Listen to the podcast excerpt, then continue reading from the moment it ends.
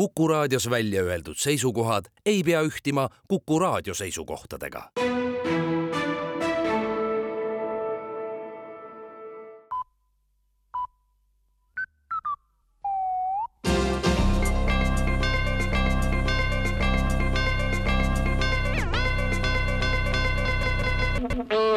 tere kuulama uudiseid stuudios Rohke Debelak riigikogu juhatus andis täna hommikul teada esimestest koondamistest Riigikogus. riigireformi valguses on koondamine loogiline asjade käik ka Riigikogu puhul, sest nii mõnegi parlamendiliikme vajadus on küsimärgi all kõikidele Riigikogu liikmetele ei jätku lihtsalt enam tööd ja tööpuudus kummitab üha tõsisemalt iga päevaga, märgitakse teates. paljud Riigikogu liikmed saavad vaid väikesi tööotsi ja veel enamad on oodanud mingisugustki tööd juba pikki kuid. peagi võib kätte jõuda olukord, kus tuleb koondada pool Riigikogu liikmetest ja kogu parlamendi saatmine sundpuhkusele võib aset leida enne jõule Tallinna linnavalitsus ja politsei aga kinnitasid eilsel töönõupidamisel kuritegevuse ennetamise programmi.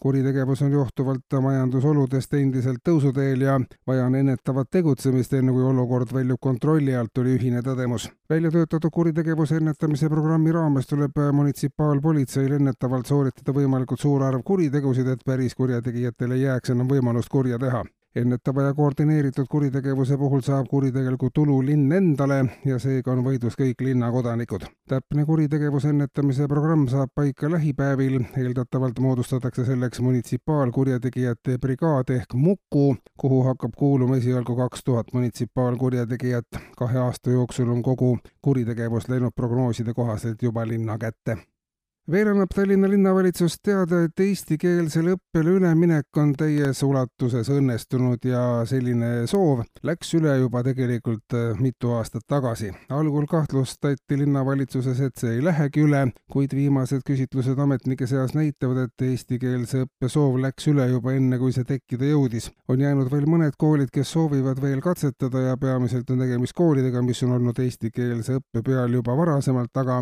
linnavalitsuse töö on suunatud sellele, sellele, et üleminek oleks ka neis õppeasutustes valutu ja valitsuses on ringlemas ka seaduseelnõu, mis näeb lähemas tulevikus ette riigivalitsemise teenuse sisseostmist. pikemad vaatlused näitavad, et riigi juhtimine kahjustab erakondade mainet ja veidigi pikemalt võimul olnud erakonnad riskivad populaarsuse kadumisega eriti suures ulatuses, mistõttu julgetakse harva ja peamiselt kohe valimiste järel ellu viia mõni hädavajalik ja samas tülikas ning ebapopulaarne otsus, kuid mida aeg edasi, seda harvem sedagi riigimehelikkus kahjustab erakonna mainet valijate silmis ja kuna valimisi on Eestis sagedasti, siis ei saagi erakonnad endale riigimehelikku käitumist lubada. kui aga riiki juhiksid mõnest välisriigist sisse ostetud mänedžerid, saaksid kõik parteid ohutult opositsioonis olla ja tehtud valikuid kritiseerida. pärast vastavate põhiseadusmuudatuste vastuvõtmist saaks Eesti Vabariigist aktsiaselts.